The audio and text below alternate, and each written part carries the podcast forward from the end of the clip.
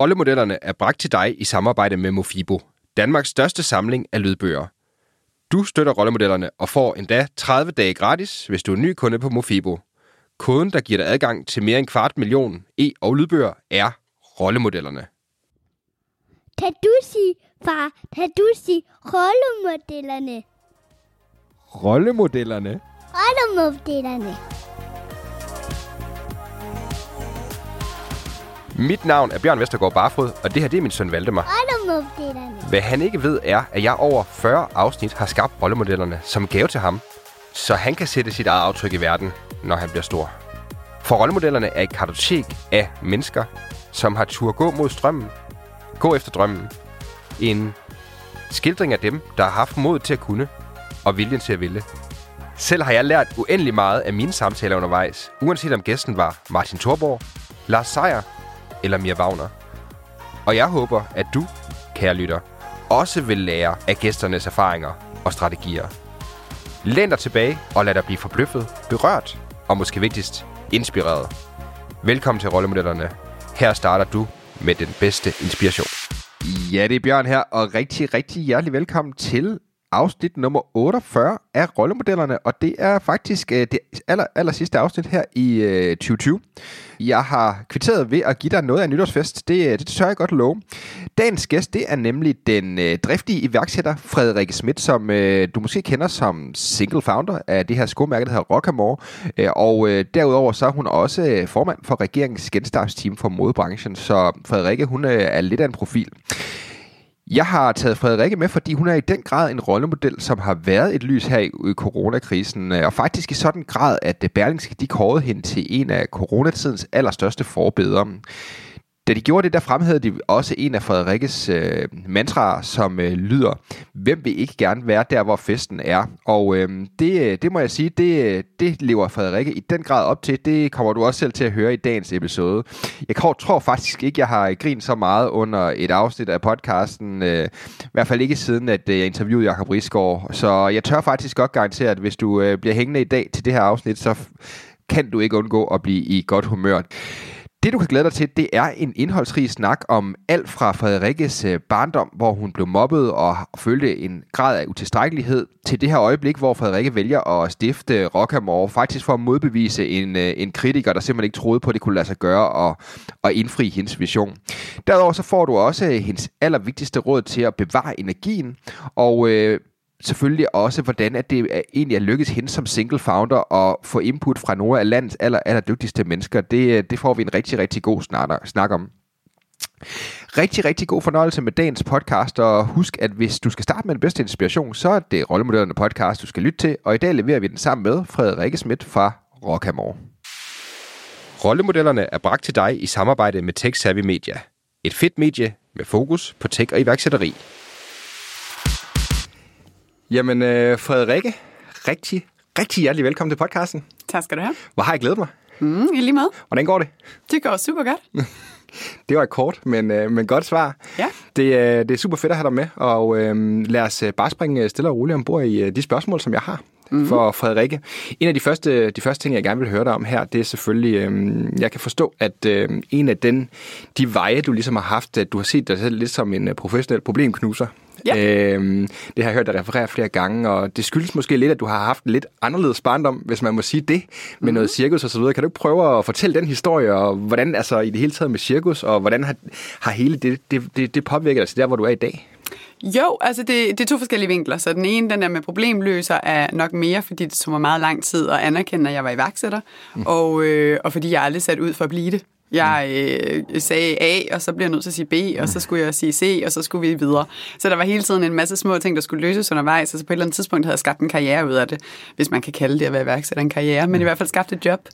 Øhm, og sådan blev jeg iværksætter. Men jeg tror, det, øh, der ligger dybest i mig, er øh, det her med at kaste sig ud i eventyr, og det kommer rigtig meget af, da jeg var lille, og som du siger, jeg voksede op i et cirkus, mm. og øh, det skal forstås på den måde, jeg havde en meget kærlig mor, som øh, øh, jeg er enlig datter af en, øh, en enlig mor, hvis man siger det på den måde, og, øh, og det har altid været os to, så øh, jeg har haft en rigtig tryg barndom, men jeg har også øh, haft behov for rigtig meget eventyr, mm. og det fik jeg igennem det her cirkus, som var et øh, ethjulet cykelcirkus, og øh, vi trænede øh, øh, nærmest alle aftener, alle weekender og alle sommerferier, øh, fra jeg var en 8-9 år og op til jeg har været en, en 16 år og opdaget drenge og alkohol og gymnasiefester. og så var der lige pludselig ikke særlig meget tid til træning. Men, øh, men ja, så øh, jeg cyklede på de her øh, øh, høje cykler, de var op til 5,5 meter, og øh, så sad man deroppe for enden og jonglerede med et eller andet, eller lavede noget med noget ild, og så rejste man rundt på festivaler. Og øh, dengang var der virkelig mange festivaler, ja. så det var jo Midtfyn og Langeland, og øh, jeg kan simpelthen ikke huske, hvad det alle sammen hedder, men, men sådan gamet gik på, at øh, vi var jo en, en gruppe af børn afsted, og øh, vi, var, vi havde ikke alle sammen alle jobs, så der var intern konkurrence om, hvem der kom hjem fra sommerferien med flest armbånd. Du ved, hele vejen op, ikke? Hvis man havde helt op til albuen, så havde man vundet. Ja. Øh, øh, alle de der festivaler. Og, ja. og der var det, der er du meget dig selv. Altså, vi havde en, en direktør, men, øh, men altså, vi blev, an, hvad skal man sige, vi blev vi blev øh, behandlet som små voksne, så øh, vi mødte op, og det var et job, og øh, vi kørte til festival, og så skal der sættes telt op, og så skal der sættes scener op, og så skal der gøres klar, og så skal du finde aftensmad, det må du selv sørge for, og så skal du i seng, det må du også selv sørge for. Og så skal du forresten møde i morgen kl. 10, done. Og så arbejder du i 10 timer, ikke? Ja. Så det var meget sådan, alright, that's the game. Så vi har jo rendt rundt på de der festivaler som, som små øh, snotunger øh, i, jeg ved ikke hvor mange år i træk, og, og ligesom bare lært at løse, hvad der var problemer, og øh, gået med i, hvad der var af muligheder, og virkelig lært mange mærkelige, skønne mennesker at kende. Ja. Ja, lad os prøve at snakke lidt om det. Altså det første spørgsmål, som gør mig lidt nysgerrig, det er selvfølgelig det her, der er sådan, altså fordi jeg tænker, at øh, du, du voksede op på Christianshavn. Ja. Øhm, hvordan, øh, jeg tænker, der er ret mange ting, man kan lave lige i Christianshavn, når man er en ung pige, som du var på det tidspunkt. Hvordan ja. kan det være, at det lige blev uh, cirkus, der sådan blev... Altså, er der noget historik i det, eller hvordan kan det være? Nej, det var rent tilfælde. Ja. Altså fuldstændig tilfælde. Min mor er, øh, øh, var en af dem, der hoppede over muren og var med til at starte Christiania, så hun er sådan ret øh, fandenivoldsk. Mm. Øh, jeg tror næsten stadig godt, man må sige hippie, men, øh, men derhen er i hvert fald. øh, og, øh, og har meget, sådan, øh, meget stærke holdninger til, øh, hvem der styrer hvad, og øh, hvem der bestemmer, men også bare sådan til, hvordan man får lov at udvikle sig som menneske. Så jeg tror, hun har altid støttet mig i alt, hvad jeg gerne vil. Jeg tror næsten aldrig, jeg har hørt hende sige nej. Og jeg kan huske, da jeg var yngre, så var det sådan noget med, at jeg ville gerne til Berlin, og så fandt min veninde og jeg en måde, vi kunne komme til Berlin på, og så gjorde vi det bare. Øh, og min venindes mor ringede til hende cirka en gang i timen i fem dage i træk. Og min mor, hun ringede ikke til mig. Det var jo ikke, at man havde jo ikke mobiltelefon og sådan noget dengang. Øhm, så, så, du ved, der hvor vi boede, der ringede hende, den der mor. Øh, og min mor, hun stolede ligesom bare på, at det havde jeg styr på, og hun har altid haft sådan en tese, som er ret fin. Sådan, hvis der er noget galt, så giver jeg lyd. Mm. Så hvis ikke der er noget galt, så er det sikkert okay. øh, og da, du ved så, da, da de skulle hentes på togstationen, øh, hende og så min venindens mor, de mødte op der på togstationen og skulle hentes, øh, så havde vi jo mistet toget, det vidste de ikke, og der var ikke nogen telefon, og vi sad på en eller anden banegård, øh, Haufbahnhof, og havde præcis, øh, hvad der svarede til 2 euro, så ingen penge, og skulle overleve i 10 timer, til det næste tog kom. Så vi brugte ikke penge for at ringe hjem. Øh, og der var min mor sådan helt rolig, så, så hun tænkte, Frederik er sikkert styr på det, der, der er en plan. Så tog hun hjem, og så fandt hun ud af, at jeg havde lagt en besked på telefonsvaren om, at øh, jeg havde mistet tøjet, men jeg skulle nok komme hjem. Mm. Hvorimod min venindes mor gik helt i bananas. Ikke? Ja. Så jeg tror, sådan den der grundlæggende ro, hun altid har haft over for mine eventyr, og at jeg skal nok, altså sådan, det skal jeg nok øh, selv finde ud af, og jeg har styr på det, har gjort, at jeg fra lille har lært, at man må godt gå de der lange veje, de store veje, man må også godt gå de farlige veje, bare ja. man har styr på sit shit. Ja. Det er en rigtig, rigtig god historie. Jeg kommer til at tænke lidt, øh, det minder mig faktisk lidt om øh, Richard Branson, kan jeg huske også. Øh, der, der, han har også en anekdote i en af hans bøger, også, hvor han fortæller om, hvor at hans mor også satte ham af rigtig, rigtig langt væk hjemmefra. Han var ikke særlig gammel, og så skulle han bare finde hjem, ikke? og det regnede agtigt. Ikke? okay, det er lidt mere hardcore end min historie, men okay. nej, nej, jeg synes stadig ikke, der er noget af det der med. Altså, for jeg, jeg kan jo selv kun relatere, at vi har siddet, inden vi gik på og snakke lidt om, om som du ved også, at, at rollemodellerne er en podcast, jeg laver til mine sønner. Jeg kan da godt blive, du ved, næsten lidt bekymret, hvis ikke man hører noget fra ham i en, en, et par timer. Ikke? Han er kun fire men alligevel, ja. jeg tænker, det må, altså, hvordan har det været det der med, øh, den tillid, det, det er jo en, en kæmpe tillid et eller andet sted også fra din mor. Hvordan, øh, hvordan er det kommet til udtryk sådan i, øh, igennem også måske også mere sådan dine teenageår, nu også noget her, hvor du er blevet iværksætter på øh, ja, mm-hmm. senere her i livet? Jeg har altid været hende, der ikke rigtig kunne passe ind. Øh, så hele mit liv næsten føler jeg i hvert fald, at jeg har fået at vide, at jeg larmer for meget. Så næsten alle de settings, jeg har været i, der har jeg været hende, der larmede for meget. Det har altid været sådan noget, Frederik, kan du lige, shh, kan du lige lade være at så højt, lade være at larme så meget, kan du lige sætte dig i hjørnet, slap af, sæt dig ned. Øh, ja. Hele tiden. Altså sådan i alle institutioner, i alle skoler, i alle sammenhæng, sociale sammenhæng, også i familiesammenhæng, der har det altid ligesom været det, der var tesen. Øhm, og det var helt vildt svært at være i, fordi et eller andet sted fik jeg også at vide, at jeg var forkert. Mm. Fordi ja. at jeg grinede for højt. Mm. Øhm, og, og samtidig havde jeg sådan en overbevisning om, at det kan ikke være forkert at grine højt. Altså, det må da altid være godt, hvis man griner. Ikke?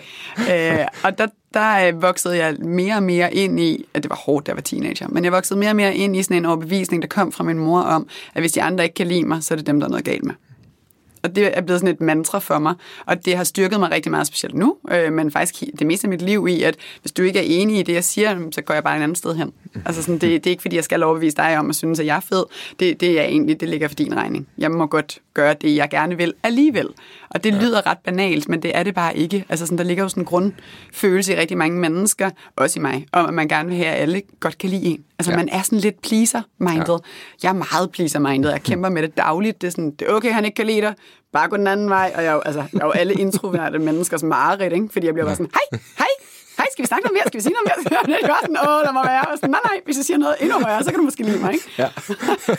så, så, det er ikke, fordi jeg selv er særlig god, men jeg kæmper meget med det, og prøver ligesom at, at blive bedre til ikke at være afhængig af, hvad folk synes om mig. Ja, og det kan jeg bestemt godt også relatere til, til for mig selv. Vi har jo på mange måder også et, et pleaser gen af mm. mange mennesker, ikke? Og man, man vil jo gerne andre mennesker det, det bedste, ikke? Altså, mm. og gerne der, man vil jo gerne på en eller anden måde passe ind. Så um, hvordan, hvordan var det der med, altså, for jeg kan også forstå, at i din barndom oplevede du også noget mobning og, og så videre. Hvordan har du altså, fundet dig selv på, på, på bagkanten af det, hvis man kan sige det? Fordi at øh, det, det må da have været nogle rigtig svære oplevelser for en, en ung pige som dig, specielt hvis du også samtidig har fået at vide, at du ikke rigtig passet ind. Altså, jeg er altid blevet mobbet, mm. og jeg tror, jeg, blev, jeg er sådan mere blevet psykologisk mobbet, øhm, men, øh, men det kulminerede, jeg gik på øh, Christianshavns Lille Skole, og det, det kulminerede en eller anden dag, hvor at, øh, stadig husker, han hedder, men ham, øh, vi siger ingen navne, ham fra min klasse, øh, øh, som havde et eller andet imod mig, øh, uvidste hvilke årsager, øh, satte sig og skrev på mig og knaldede mit hoved ned i asfalten. Mm. Og så gik jeg hjem til min mor og stor grad, og det var i 4. klasse, og så flyttede hun mig. Så flyttede hun mig ud af skolen, og så kom jeg ud på Ingrid Jespersen, hvor at der var nogen, der havde en idé om, at jeg kunne lære at synge. Mm det kunne jeg ikke. Men, øh, men ellers så havde jeg sådan en, en nogenlunde Øh, altså det, var, det gik i hvert fald bedre, men når det så er sagt, så gik der ikke mere end en uge, måske to, efter jeg var startet på Inger Jespersen, før at der blev startet en fredet hadeklub, øh, som man kunne melde sig ind i. Oh, shit. og der var faktisk medlemmer. Så øh, der har altid været sådan, altså det har altid været sådan en dem mod mig. Og jeg tror, det er fordi, jeg altid som barn larmede meget, men ikke på den der sådan, jeg var bare glad. Mm. Jeg ville bare gerne, ville, altså der en lærer har sagt, at jeg havde ADHD, det havde jeg ikke, men jeg var bare, jeg var aktiv, og jeg vil gerne lave projekter, og jeg vil gerne være med, og jeg var glad, og jeg vil gerne snakke med folk. Jeg vil gerne have, at du godt kunne lide mig, så jeg snakkede måske lidt for meget til dig, fordi jeg skulle være sikker på, at du kunne lide mig. Øhm, og jeg var vildt dårlig til at sidde stille og lære på den der slaviske måde. Ja. Og i hvert fald dengang, der havde vi jo øh, 100, nej, hvordan var det, 90 minutters timer, ikke? Ja. Så det er halvanden time, du skulle ja. sidde stille ja. som 10-årig. Det, jeg kunne simpelthen ikke, altså jeg, jeg kunne overhovedet ikke finde ud af det. Og, øh, og da jeg kom i gymnasiet, der blev jeg jo medlem af alt, hvad jeg kunne. Ikke? Så det var mig, der var med i Operation Dagsværk, det var mig, der var medlem i festival, det var mig alt, hvad jeg kunne, fordi så kunne jeg stikke af hele tiden. Så jeg kunne sådan, jeg bliver lige nødt til at gå. Jeg skal lige, der er virkelig vigtigt møde i festival, jeg bliver lige nødt til at gå midt i fysik. Ikke? Ja. Fordi, fordi ellers, altså sådan, jeg blev nødt til at opfinde de der outs, fordi ellers kunne jeg ikke være i det, det var for hårdt. Så jeg tror aldrig nogensinde, jeg fandt mig til rette i Danmark. Øhm, og jeg fandt mig ikke til rette, før jeg blev 25 og flyttede til Italien, og fandt ud af, at øh, her larmer de alle sammen. Så det der med, at jeg kan råbe højt, det er fuldstændig lige meget, for der er altid nogen, der råber højere end mig. Og, og det må man godt. Der er plads til det. Du må gerne larme, du må også gerne grine, du må også godt være lidt mærkelig eller lidt anderledes. Det kan vi godt rumme. Hvor i Danmark, der har vi bare ikke særlig meget plads til at rumme det der anderledes sig selv. Der er ligesom ja. sådan en, det er sådan her, det skal være. Og hvis du falder uden for det, så er du mærkelig. Ja. Så jeg tror, det var der, jeg fik lov. At, jeg var otte år i Italien, og fik lov ligesom at, at forme min personlighed baseret på, hvordan de var. Og så fandt jeg ro i, at jeg var god nok. Kom hjem til Danmark, og så kan jeg godt stå imod. Ja. Oh, det, det, det er godt, du fandt, uh, fandt dig selv der, kan man sige det også, ikke? Mm. Og det, der, der er rigtig, rigtig mange spændende ting, du siger det her, i det her, Frederikke. Hvis der er en enkelt ting, som jeg i hvert fald sådan lige bider mærke i, og det er egentlig også noget, jeg har snakket lidt med nogle af de gamle gæster i, eller andre gæster i podcasten om, er det her med, jeg, jeg synes, der er et eller andet i det her med, at vores skolesystem er på en eller anden måde gået i stykker, synes jeg. Øh, mm. netop det her med, som du selv siger, de fleste, de fleste vi, vi som mennesker er vi jo biologisk hardwired til at skulle flytte os. Hvorfor tager du børn, der har al den energi i hele verden, og prøver at få dem til at sidde stille ja. i rigtig lang tid, ikke? Ja. Øhm, det... Jeg tror, at næsten alle iværksættere har en eller anden form af den historie. Vi er jo sådan nogle typer, der har ild i røven.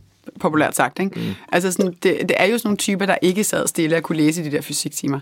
Der, der var sådan en, øh, en undersøgelse på øh, videregående uddannelser om, hvor mange øh, af de studerende, der kunne tænke sig, øh, de gjorde det et år på alle videregående uddannelser, hvor mange studerende kunne tænke sig eventuelt at starte deres egen virksomhed, inden de startede uddannelsen. Ikke? Den blev, jeg tror, den blev for seks år siden. Ja. Og der lå de omkring 70 procent, kunne egentlig godt se sig selv lave en virksomhed. Så spurgte de de samme studerende, da de kom om på den anden side, ikke? 3, 4, 5 år senere, hvor mange af jer kunne nu tænke sig 4 procent. 4 det er det helt vildt. Så altså, uddannelsessystemet ødelægger alle tanker og alle øh, lyster til innovation. Det, det vi, er, vi lærer, at man skal være konform, og man skal tænke som alle de andre, man skal følge det, der er blevet sagt, og man skal gøre, som man altid har gjort. Punktum. Ja. Så det, ja, jeg er meget, øh, jeg er meget stor kritiker af, hvordan vi uddanner vores børn. Ja, og så specielt det, for det sjove er faktisk, at jeg interviewede øh, øh, Nikolaj Højer, som er egentlig faktisk min gamle, øh, hvad kan man sige, værksættermentor, og som havde ja. jeg på, på CBS. Jeg også øh, er uddannet derfra, så jeg kan godt genkende de her ting. Det var meget, der var meget lidt virkeløst i forhold til iværksætteri. Det er heldigvis blevet bedre. Selvfølgelig ja. også fordi vi får, øh, det er også en af de ting, jeg bruger den platform, som rollemodellerne også er blevet til at så vise jer, der faktisk er lykkedes med at blive iværksættere, også at høre om jeres rejse, netop for at folk kan se, om det kan godt lade sig gøre, øh, mm. uh, upåvagtet, hvad vej du går. Men, men, men det Nikolaj han sagde dengang, at han var med i podcasten, var nemlig også det her med, hvis han skulle give hans 20-årige datter et råd i forhold til det, så måske skulle hun ikke bare sætte sig, måske skulle hun bare ikke sætte sig på, på skolebænken, øh, hvis det var sådan, at hendes drøm det var, og så starte noget op selv. Måske skulle hun bare komme i gang. Præcis. Øhm, og det tror jeg, der er rigtig meget sandhed i det der med netop, at vi skal passe på med at overglorificere det, at så sætte sig ned på en skolebænk i fem år, øh, og så være, se det som værende den eneste vej på at, at komme hen til det sted, du gerne vil. Ikke? Mm, helt enig det er, det, det er super spændende, Frederikke. Øh, og den, den, den, den vej kunne vi også gå rigtig, rigtig meget i forhold til snakken.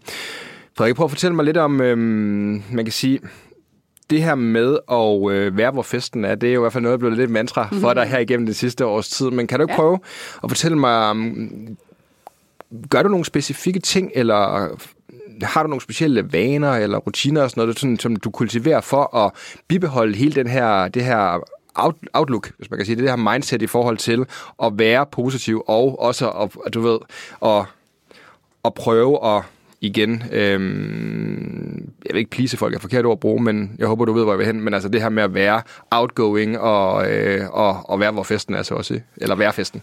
Ja, altså jeg er født ekstrovert, men, mm. øh, men når det så er sagt, så er det at være ekstrovert et arbejde.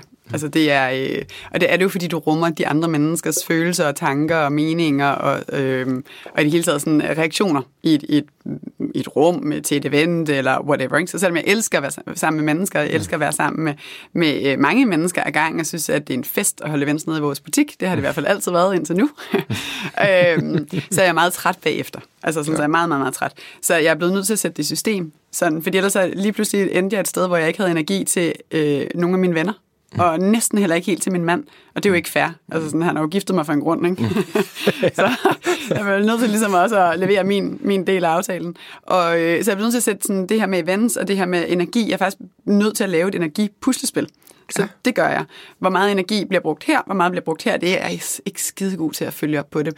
Men jeg laver en virkelig fancy plan, og så tænker jeg undervejs nok lære at følge den. Ikke? Men øh, vi er på vej. ja. øh, men jeg, jeg prøver at arbejde med sådan en energipuslespil, og så prøver jeg rigtig meget at arbejde med mennesker, som dræner mig. Altså sådan det, der hedder, øh, hvis du tager min energi i for mange gange i rap, eller hvis vi mødes for ofte, og jeg føler, at du dræner mig, så skal vi ikke mødes mere.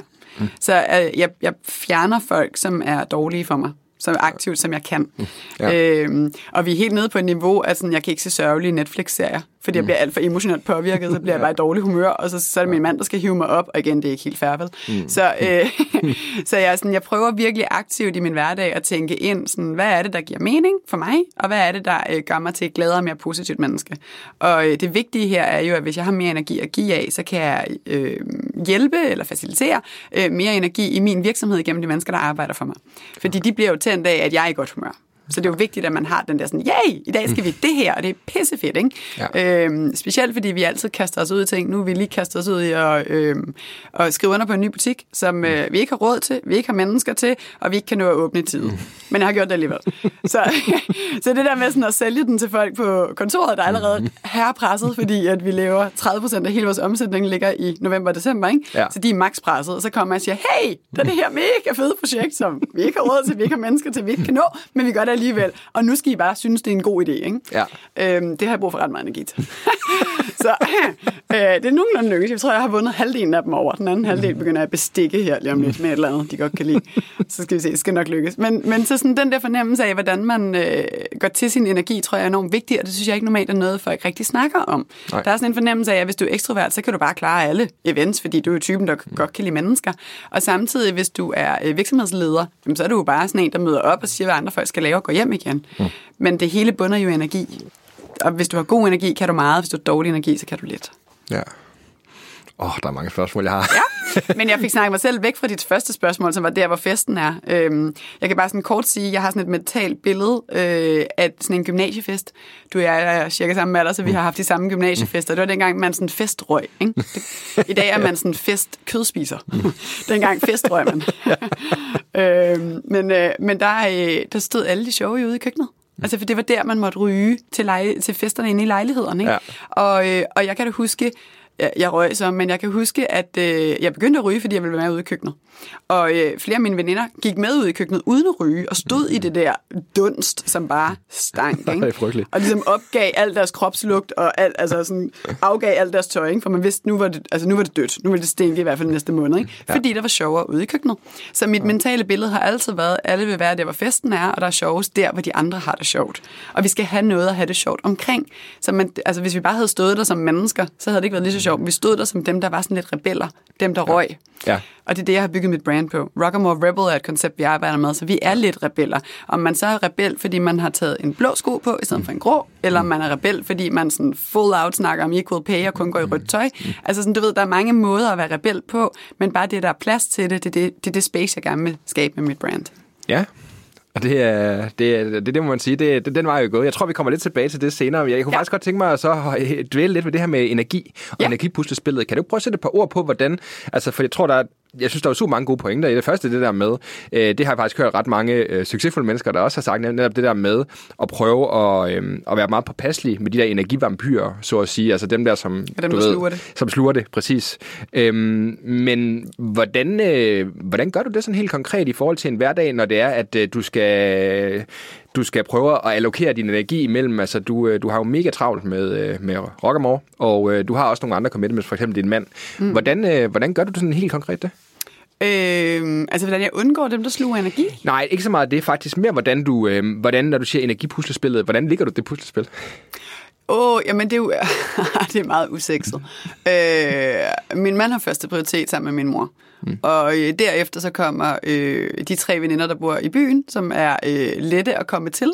Og derefter kommer de to veninder, der bor uden for byen, som er mega besværlige at komme til, for det er sådan noget tre måneder in advance, skal man planlægge, ikke? Ja. Øh, og der i, i samme øh, liga som dem, kommer de veninder, jeg har i udlandet, eller venner, jeg har i udlandet, som man kan ringe til. Mm. Øh, og så prøver jeg at sørge for, at jeg, at jeg har minimum en af dem, øh, helst to øh, mennesker skal jeg se i løbet af ugen, som ikke har noget med min virksomhed at gøre. Ja. Øhm, og jeg skal være sammen med min mand, når jeg er hjemme, og jeg må ikke arbejde. Jeg har faktisk en regel om, at jeg ikke må arbejde derhjemme. Ja. Øh, så det gør jeg ikke. Ja. Og øh, jeg arbejder heller ikke i weekenden, mindre jeg skal stå inde i butikken, men jeg arbejder ikke på mail i weekenden. Ja. Øh, og det samme med min mor, der har en regel om, at hun skal altid kunne få fat på mig, og vi, skal, vi snakker sammen næsten hver dag. Øh, det er vigtigt, at hun har det godt, men det er også bare vigtigt, at der er sådan en, den der forbindelse, vi har, den stadigvæk er vedligeholdt. Mm. Og så derudover, så handler det om at blive inspireret. Så hvis ikke jeg kan øh, finde et menneske, der inspirerer mig, jeg er ret vild med kaffeaftaler. Mm. Øh, jeg er også ret ballsy med dem, jeg gerne vil mødes med, så jeg kan godt øh, finde på at stalke dig, hvis jeg synes, at vi to skal mødes. Øh, det plejer jeg ikke at tage mere end to eller tre beskeder, så er folk som regel overvundet til, at det kan vi godt. Og øh, nogle få gange har jeg måttet stå med sådan en Starbucks-kaffe uden for nogens arbejde, fordi jeg ville mødes med dem. Øh, men det er fordi, der er nogle mennesker, der bare er så fucking seje, at jeg vil bare så gerne have 10 minutter, bare lige høre, altså det her eller det her, hvordan gjorde du det, eller hvad tænker du om det? Fordi man får så meget perspektiv på det, ikke? Ja. Og jeg møder nogle helt vilde mennesker. Øh, Den sidste, jeg fik lov at møde, der fik jeg så to timer, hvilket var helt åndssvagt. Øh, Det var Lennart fra øh, Tiger, som jo bare er noget af det mest inspirerende. Han snakkede i to timer, og jeg var så imponeret over, at han gad at give mig to timer. Ja. Fordi hvem er jeg i forhold til ham? Øh, Og jeg lærte he- helt vildt meget af ham. Men det her med sådan, enten så skal jeg inspireres af et menneske, eller også så skal jeg inspireres af en bog, eller en podcast, eller noget andet, på ugenlig basis. Der Ja. skal være noget sådan hjernefood, hvor Ja. man tænker, uh, det er spændende. Hvad hvis man gjorde det og det og det og det? Ja. Det er, ham vil jeg virkelig også gerne snakke med. Han, er, han, er, han virker simpelthen uh, helt vildt sympatisk. Det er han også, men han er fame også knivskarp. ja. Du skal ikke tage fejl. Nej. Han, altså sådan, man er ikke kommet så langt, som han er, hvis ikke man øh, også kan, øh, kan sige, hvor skabet skal stå. Lad os sige det sådan. altså, det, øh, det, det, den, den, den, den tænker jeg, vi lader ligge der. Men øh, det der med brain foods, synes jeg er ret interessant, også i forhold til personlig udvikling, Frederikke. Fordi man kan selvfølgelig også sige, at du har jo været på en, en kæmpe rejse med Rock and More, det må man sige. Og mm. øh, jeg snakker faktisk med min, min gode ven Thomas, som øh, delte kontor med dig, dengang du sad ene person og prøvede at få Nej, Rock and More til, ja, ja. til at, at, at, flyve. Og havde bare sådan en kort snak også om, og så du ved, se hvor du var der dengang, og så se hvor du er nu. Det er jo meget, meget anden Frederikke, der er der, det var vel mm. tilbage, var det en 14-15 stykker eller sådan noget. Ja. Ish. Øhm, kan du ikke prøve at fortælle mig lidt om, altså du har været lidt inde på, hvad, øh, hvad der inspirerer dig, hvad du gør sådan mere, men, men bare hvordan du har prioriteret den der personlige udvikling. Jeg synes, jeg synes, det kunne være enormt interessant at høre det her med, netop hvordan du afsøger andre folk, altså ligesom du har gjort med Lennart, men bare mm. generelt med, øh, med mentorer og, og, og rollemodeller, hvis man nu skal bruge et, et udtryk, jeg godt kan lide. Rollemodeller er bedre end mentorer. Jeg tror ikke rigtigt på mentorer. Nej. Øhm, ikke fordi jeg synes, konceptet er fabelagtigt. Jeg har bare aldrig set det fungere in real life. Og øh, inklusive mig selv har jeg aldrig kunnet få det til at fungere. Jeg er også mentor i princippet for øh, andre virksomheder, specielt kvindelige iværksættere, der er på et tidligere stadie. Men jeg synes bare, det er skide svært. Det er svært, mm. det er svært at få til at fungere sådan rent energimæssigt. Men øh, du spurgte ind til, sådan, hvordan jeg øh, finder mennesker. Så Ja. yeah. fik jeg taget mig selv væk fra det igen. Beklager.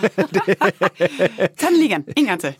For det første selvfølgelig, det her med, hvordan du finder mennesker, synes jeg, jeg synes bare generelt, din mindset omkring det her med at udvikle dig, din egen personlige udviklingsrejse, kan du. Yes. prøve at sætte et par Jo. ord på det? Jo, øhm, jeg har en tese om, at øh, man må ikke sige nej til noget, man ikke har prøvet før. Det har jeg altid haft hele mit liv, og det går helt ned til, hvis ikke du, altså du må ikke sige, at du ikke kan lide hvid chokolade, hvis du aldrig har smagt det. Sådan er det bare. Så må du smage det først. Øhm, og, øh, og den bruger jeg ret meget i mit arbejdsliv, fordi det er sådan en, en dejlig øh, regel, som gør, at jeg bliver tvunget til at gøre en masse ting, som jeg ikke ellers ville have gjort, hvis jeg skulle sætte mig ned rationelt og overveje dem. Fordi så er det alt for farligt, og hvad tænker de andre, og tænk, hvis det går galt, og der er alle mulige ting, som man kan tænke ind i, som er enormt negativt øh, drejet. Så øh, hvis ikke du har gjort det før, så må du ikke sige nej. Punktum. Mm. Øhm, og hvis du har gjort det før, og ikke synes, det er sjovt, så øh, må du godt sige nej, men du skal argumentere for det. Så du skal have en, en, en grund andet, en, altså sådan en velovervejet, intelligent grund over, hvorfor du ikke vil gøre det her, som ikke er bundet i, at du bare ikke synes, det var sjovt. Øh, allerhelst skal du gøre det igen, og sørge for, at det ender sjovt. Og så må man gerne sige nej. Så jeg må egentlig kun sige nej tak til ting, jeg har prøvet før, som jeg synes endte godt. Ja. ja, fordi så kan jeg øh, på en eller anden måde tvinge mig selv til at forme de ting, der kommer fremadrettet, til at blive en positiv oplevelse. Og jeg kommer også til at kaste mig ud på dybt vand virkelig mange gange, fordi at, det skal jeg. Det står der i min regel, at jeg skal. Så det er egentlig mit, øh, min måde at, at gå til sådan det professionelle liv. Deri ligger jo så, at hver gang jeg har et problem, jeg er jo single founder, noget som øh, alle siger ikke kan lade sig gøre. øh, det kan det altså godt. Og øh, der er også rigtig mange, der siger, at der er ingen investorer, der øh, øh, overhovedet gider at bruge time of day på single founders. Det kan jeg fortælle, at det gider de godt. Øh, det handler om, hvordan man bygger sin virksomhed. Jeg har investorer, men jeg har også virkelig mange, der gerne vil ind. Så det er ikke et spørgsmål om, at du er en eller to eller fem. Det er lige meget. Det handler om, hvad det er for en virksomhed, du bygger, og hvordan du gør det. Du gør det ordentligt. Ja. Øhm, det er bare, fordi jeg er træt af at høre, at man ikke kan være single founder, så den skulle ja. lige med. Men, øh, men det, øh, det svære ved at være single founder er, at der er ikke rigtig nogen, man kan sådan spille bold op af, og der er ikke nogen, du kan vende ting med. Så nogle gange kan jeg godt øh, spiral ind i et eller andet, hvor jeg er sådan, det her er verdens fedeste idé, eller det her er verdens dummeste idé, og så mangler jeg nogen at snakke med. Og der plejer jeg næsten altid at finde nogen, som øh, er dygtigere end mig, og som har gjort noget, jeg ikke kan, og så er det, jeg står ude foran deres... I gamle dage stod jeg ude foran deres arbejdsplads med en Starbucks kaffe. Ikke? I dag kan jeg sådan næsten altid få lukket dem til en kop kaffe, øh, hvor vi sidder ned. men, men, øh, men den der tese om, at hvis der er noget, jeg ikke kan, så er jeg ikke alene. Jeg kan altid finde nogen, der har gjort det før, eller er dygtigere end mig. Og så må jeg jo altså, få adgang til det menneske. Ja. Mm? Giver det mening? Ja, det synes jeg. Det synes jeg, det gør. Og jeg synes, det er et interessant perspektiv. Jeg tror, der er rigtig mange, der kan lære meget af det der, nemlig også. Altså, der, der er flere ting i det. For det første, så synes jeg det der med, som du selv siger, øh, hvis bare kan få 10 minutter. Jeg tror, altså generelt set, så tror jeg, at den tilgængelighed, øh, som mange mennesker oplever, øh, fordi vi er så connected nu, som vi er på diverse sociale medier og andet, ja. den tror jeg, mange mennesker på en eller anden måde misforstår. Fordi netop når du siger det der med mentorbegrebet, synes jeg er super interessant, netop fordi jeg, jeg tror, ret mange mennesker er øh, misforstår, hvad det egentlig handler om, som du selv siger. Ja. Et input på 10 minutter fra en mega kvalificeret person til dig, din virksomhed, kan jo være guld værd. Øhm, men jeg tror bare, at de fleste har en perception om, at man skal sidde og drikke en kop kaffe sammen, og have en time, før man på nogen mulig måde kan bruge input fra en anden person. Præcis. Øhm, og det synes jeg, det er super stærkt at give videre.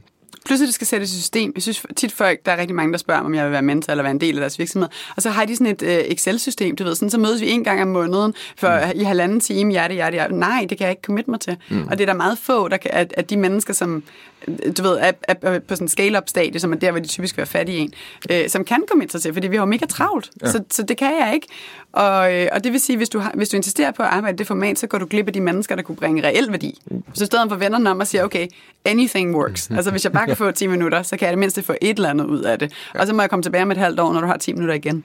Altså sådan, ja. Så det er mere sådan en one-time thing, og så kan det blive en one-time thing twice eller tre gange, ikke? men ikke mere end det. det. Det tror jeg virkelig er, det er den eneste måde, mentorship kan fungere på. Det tror jeg, du har ret i. specielt hvis du, i hvert fald specielt, øh, hvis du vil have fat i dem, som virkelig, virkelig har været skabt stor succes inden for det. Det er også meget det, jeg oplever. Jeg bliver ret ofte spurgt, hvordan lykkes det egentlig at få nogle af de her helt vildt prominente mennesker med i podcasten? Jamen, mm. hemmeligheden er jo netop, for det første, jeg prøver at, altså jeg bliver ved, ligesom du også selv siger, og, ja. og næsten stalk dem, ikke? men i lige så høj grad også, øhm, at vide, at det er jo ikke noget personligt hvis det er sådan, de ikke vil være med, fordi at, øh, at det er mega travle mennesker. De har alt muligt andet, de også skal give sig til. Ikke? Ja. Og jeg tror at komme med den der ydmyghed også, som du også selv siger, det der med, altså, og så acceptere den præmis, at der er faktisk en anden, der kan gøre noget for dig, og det er på deres præmisser, du er nødt til at efterspørge hjælp, øh, i stedet for det, det bliver den anden vej rundt. Ikke? Det, det synes mm-hmm. jeg er et super godt, super godt indsigt, at give videre med til lytterne. Ja. øhm, så så det, det, det her med gjort. Hvordan... Øh, lad os prøve at snakke lidt om, hvordan, øh, hvordan øh, approacher du for eksempel, lad os nu bare tage udgangspunkt i for eksempel Lennart og så videre, fordi jeg tror, at der er mange, mig selv inklusiv også, der kan have lidt, uh, forstå mig ret, berøringsangst, er måske forkert ord at bruge i disse dage, men kan, kan have en frygt for, hvordan det er så at række ud til, til nogle af de her meget, meget vigtige mennesker, som, som man måske ønsker at få input fra. Jamen altså, Nike siger det vel bedst, ikke? Just do it. Mm. Der er ikke rigtig så meget, mm. der er jo ikke nogen opskrifter, der er ikke rigtig nogen tricks. Du må jo bare mm. finde ud af, hvor du tror, du kan ramme personen bedst, og så må du tage fat i det der. For mig er det LinkedIn, fordi jeg har en god LinkedIn-profil, så folk, hvis jeg skriver til dem på LinkedIn, og de så klikker ind på min profil, så kan de se, at der er en masse følgere, der er en masse aktiviteter, der ser spændende ud. Så jeg har sikkert et eller andet at have det i, og derfor gider de godt mødes. Øh, I gamle dage havde jeg jo ikke rigtig noget aktivitet på LinkedIn. Mm. Øhm, så der brugte jeg rigtig meget Facebook. Det var, det var også lidt en anden tid. Der havde mm. man lidt mere sådan øh, forhold til, at Facebook var et aktivt tool. Det ja. det mere sådan et passivt tool, der er grupper og noget messenger, that's it, ikke? Ja. Øhm, og ja, altså, og så... Jeg vil sige, da jeg var helt, øh, helt ny, der brugte jeg altså ret meget energi på at finde ud af, det lyder helt skidt, men prøve at finde ud af, hvor folk arbejdede hen. Og så øh, mødte jeg op der. Mm. Øh, jeg har virkelig stået i mange kantiner. Mm. Øh, eller ude foran på parkeringspladsen i frokost. Altså ja. frokostpausen, ikke? Ja. Og var sådan, gud nej, kommer du også her? Har du 10 minutter? øh, eller jeg havde, sidste ved du, jeg så dig på en scene øh, her for et par mm. uger siden, og så tænkte jeg sådan over det her. Hvad, hvad tænker du egentlig om det? Og så gider de godt svare, fordi man, altså sådan, du, du fanger dem off guard, ikke? Ja. Øhm, men de fleste bliver ret smiret over, at man har kæmpet for at få lov at snakke med nogen i 10 minutter. Så der er, en, der er næsten ikke noget at tabe. Når det så er sagt, så bliver jeg virkelig, virkelig træt, hvis der står 30 mennesker foran min arbejdsplads i morgen. Så det er selvfølgelig noget, der sådan kun kan ske, hvis man gør det en af gangen, ikke? Ja.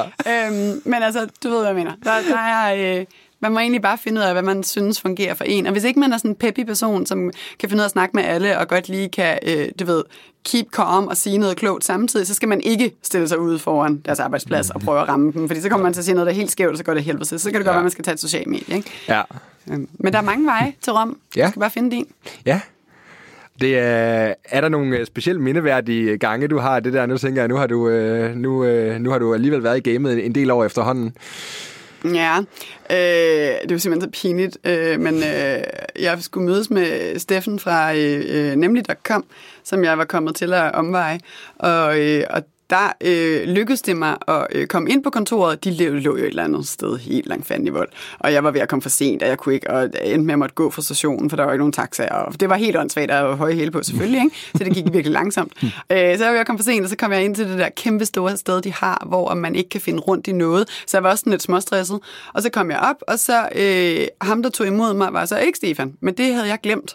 Så jeg hoppede ligesom bare direkte ind i samtalen, og, og var sådan, hej, pisse fedt at møde dig, nu skal du høre høre, og han begyndte egentlig at svare og snakke og sådan noget, og du ved, og så var der var bare sådan point of no return. Altså, ja. jeg blev nødt til bare ligesom at sige, mm, sorry, jeg, det, puh, jeg tog fejl, det var ikke dig. Og så var det jo enormt svært at, ligesom at, at få den rigtige entry, for så kom Stefan ind samtidig, og så få den rigtige entry og sige sådan, ja, jeg har fulgt dig for altid, og øh, elsker alt det, du står for, sådan noget. Jeg kan ikke lige kende dig, men ellers så, så er jeg der, 100 procent, ikke? Så den var ikke helt heldig. Øh, han tog det virkelig pænt. Men, men dem har jeg lavet for stykker af dem der. Ja. Det er også, øh, det er også noget, man vokser af, ikke? Altså, det der med, at altså, man tænker, Jo. at det altså... Altså, jeg er ret god til at være i pinlige øjeblikke, så jeg kan godt overleve det. Sådan, jeg, du ved, fokuserer bare på din pande, mm. og så lad være at kigge dig i øjnene, mm. og så venter jeg på, at du siger noget. så det gør du på et eller andet tidspunkt, og så skal det nok gå igen. man skal bare være den, man skal lade være at være den, der taler først, efter det er gået galt. Ja. Mm. Det er altså et godt trick. Det, det kunne have hjulpet mig et par gange, øh, Frederikke. Det er for sent, vi mødes. Kan du bare se? Ja. ja, fordi man vil kun sige noget dumt. Man vil kun prøve sådan at undskylde og redde den, og du ved, sige, så man skal bare lade være. Man skal bare lade være at sige noget, efter vi ligesom er sådan svisken på disken, så holder du mund og kigger lige midt i panden, for så ligner det, at jeg kigger dig i øjnene, men det gør jeg ikke. Og så kan jeg godt overleve, indtil du siger noget. ja. Jeg kan faktisk huske, det, øh, det, det tror jeg, det var faktisk en uh, Tool of Titans, Tim Ferriss bog. Jeg læste også et af de bedste råd. Uh, jeg synes, det var så sindssygt godt. Uh, det var en, som vedkommende, jeg tror faktisk, han hedder Ja, han er en super fantastisk storyteller i hvert fald. Ja. Og det var det bedste råd, han havde fået fra Muhammad Ali, altså bokseren. Øh, jeg synes, det var så godt det der. Ja, det var et mega bladet råd for det første at få. Men, men rådet var sådan set basalt set det der med, at når der er stillhed i et rum, så behøver du faktisk ikke at sige noget. Nej. Og det er det, var, det, kan, altså, det, du ved, det er bare det at læse sådan, altså jeg tror, det fyldte jo to linjer, eller et eller andet i en bog, ikke? Ja. Men jeg synes bare, det var så værdifuldt, fordi det er så rigtigt. Og det tror det vi som mennesker, det, det er jo også der, altså de fleste kan relatere til akavet, pinlige dates og andet, mm. øh, eller hvor det er sådan, at, at man bare ikke ønsker, at samtalen skal gå i stå. Men Mm. der er noget i det der stillhed. Øh, og man skal vide, at du behøver ikke at sige noget. Hvis ikke du har noget du på hjertet, så er det okay, så lad være med at sige noget. Jamen, det kan man næsten kun, hvis man er, har ekstremt stærkt selvværd. Ikke? Mm. For så skal du være okay med, at du ikke helt ved, hvad der foregår, og at du ikke er helt sikker på, om den anden godt kan lide dig, og du ikke har helt styr på situationen. Ikke? Så skal du ligesom bare slippe kontrollen og være okay med dig selv og have det fedt med dig, og så må de andre køre deres egen show. Øhm, jeg er helt enig på et uh, teoretisk plan. På et praktisk plan, så tror jeg aldrig, jeg vil kunne det der. Jeg vil altid komme til at sige et eller andet åndssvagt. Bare fordi jeg er ikke særlig god til stillhed over særlig lang tid ad gangen. ja. Ja. Frederikke, det er tiden flyver afsted, og øh, det er en super god samtale, vi har gang i. Øh, der er virkelig mange ting, jeg gerne vil spørge dig om, så øh, jeg sidder lige og overvejer lidt, hvad, hvad næste skridt skal være, men jeg tænker faktisk, at der er lidt i det her med. Nu nævnte du lidt tidligere, at det her med brain food og personlig udvikling generelt, at du prøver at holde dig inspireret, øh, både ved at møde mennesker, som vi har snakket lidt om nu her, mm-hmm. men også gennem bøger, podcast og andet osv. Kan du, øhm, kan du prøve at sætte et par, par ord på måske noget af det, der har været mest inspirerende for dig igennem den sidste tid? Det kan være bøger, podcasts eller andet. Øhm, ja. Ja, det kommer bare til at lyde ekstremt selvforherligende, men, øh, men sådan mit vildeste kick, øh, ja, nærmest inspirationswise og også bare marketingwise, øh, har været den her Rockamore Rebel-kampagne, jeg har bygget op. Og den er bygget på, at man selvfølgelig altid gerne skal være lidt rebel, men også på, at altså, Rockamore i, i, i min sådan, optik, min mission er, at kvinder skal stå stærkere i verden. Kvinder skal øh, stille sig op, stå fast og tage den plads, de gerne vil have. Og øh, hele equality-debatten for mig handler om, at kvinder skal have lidt større end sig. Mm. Så vi, hvis vi gerne vil noget, så skal vi sige det højt. Hvis du gerne vil være chef, så skal du sige det. Hvis du har en ambition, skal du gå efter den. Der er ligesom sådan nogle, nogle ting, som ikke har været tilladt indtil nu, det synes jeg i hvert fald, som skal blive tilladt. Og det handler rigtig meget om, at man, man ikke må ødelægge den gode stemning, og man må ikke, du ved, ej, nu skal du også sætte dig derovre i hjørnet og lade være alarm. Ikke? Det, ja. det er sådan meget den, den uh, tese, vi arbejder efter, synes jeg. Uh, så for mig har det været næsten et personlig overvindelse at kreere Rockamore Rebel, fordi det handlede om, at vi må gerne larme, og vi må gerne tage nogle chancer, mm. og hvis vi vil noget, så skal vi sige det højt. Og øh, den første plakat, jeg lavede, den, øh, den satte Alice som en af mine skønne kunder på. Øh, øh, der satte jeg hende på et par Rockamore-sko, og hun har øh, ja, uh, 15 par sko eller et eller andet. Men hun havde kæmpet for, øh, hun er overlæge på Esbjerg, og havde kæmpet for øh, corona, eller mod corona, i de sidste tre måneder, og var bare fucking hardcore og sej. Og jeg vil gerne hylde hende, når hun kommer op på den plakat. Men det der med sådan at gøre noget så kontroversielt om, at, at vi snakker om corona i marketingsøjeblikke, og at vi hylder en helt almindelig kvinde, som ingen kender, øh, bare fordi hun er en Rockamore-kunde, og at jeg har fundet hende blandt mine kunder, fordi hun dagligt smed billeder op på social media, hvor hun var så glad for at have Rockamore-sko på på arbejde, fordi de, de gav hende noget ekstra glæde. Hun blev glad af at være på arbejde med dem på.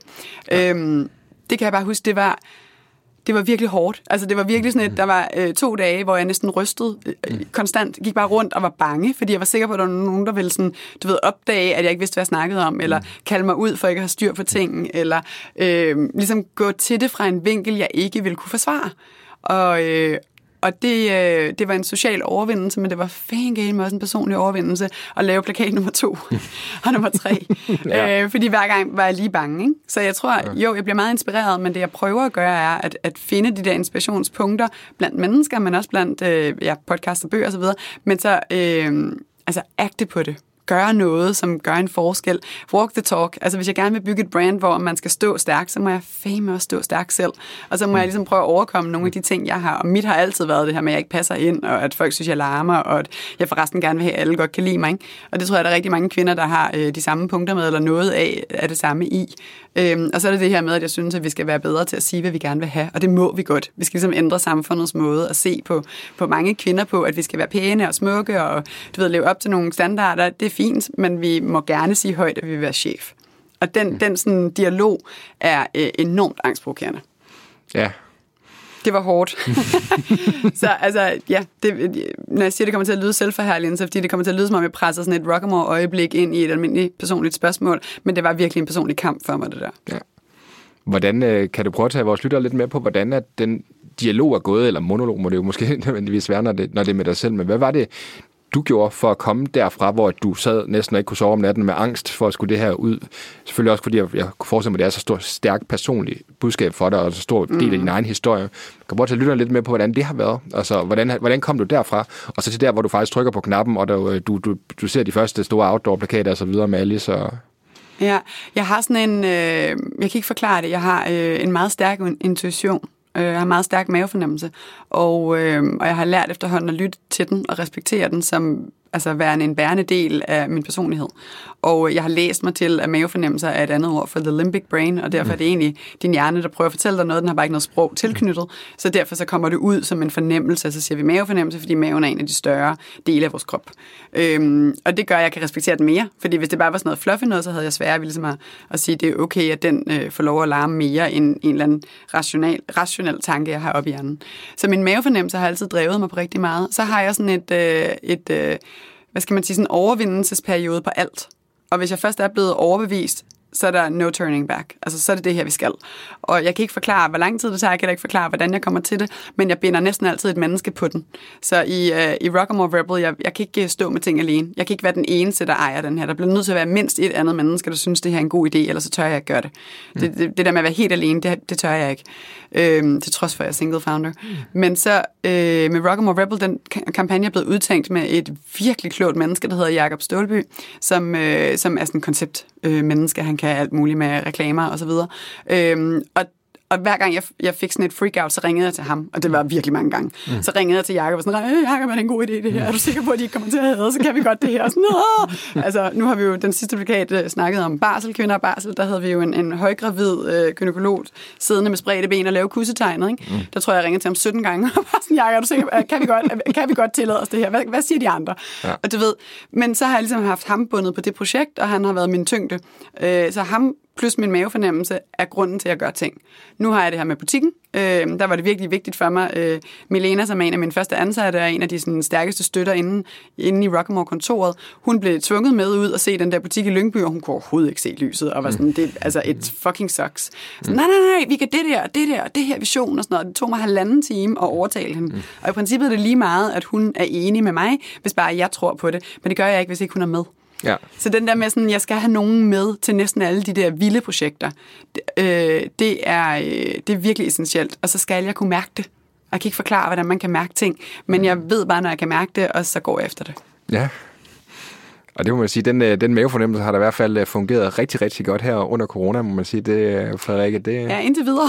Jeg er hele tiden bange for, at der er noget, der, du ved, the other shoe will dropping. Jeg er hele tiden bange for, at der kommer noget andet. Men ja, ja det virker indtil videre. 7 9 13. Mm. No jinx og alt det der. Ja, ja, ja, ja.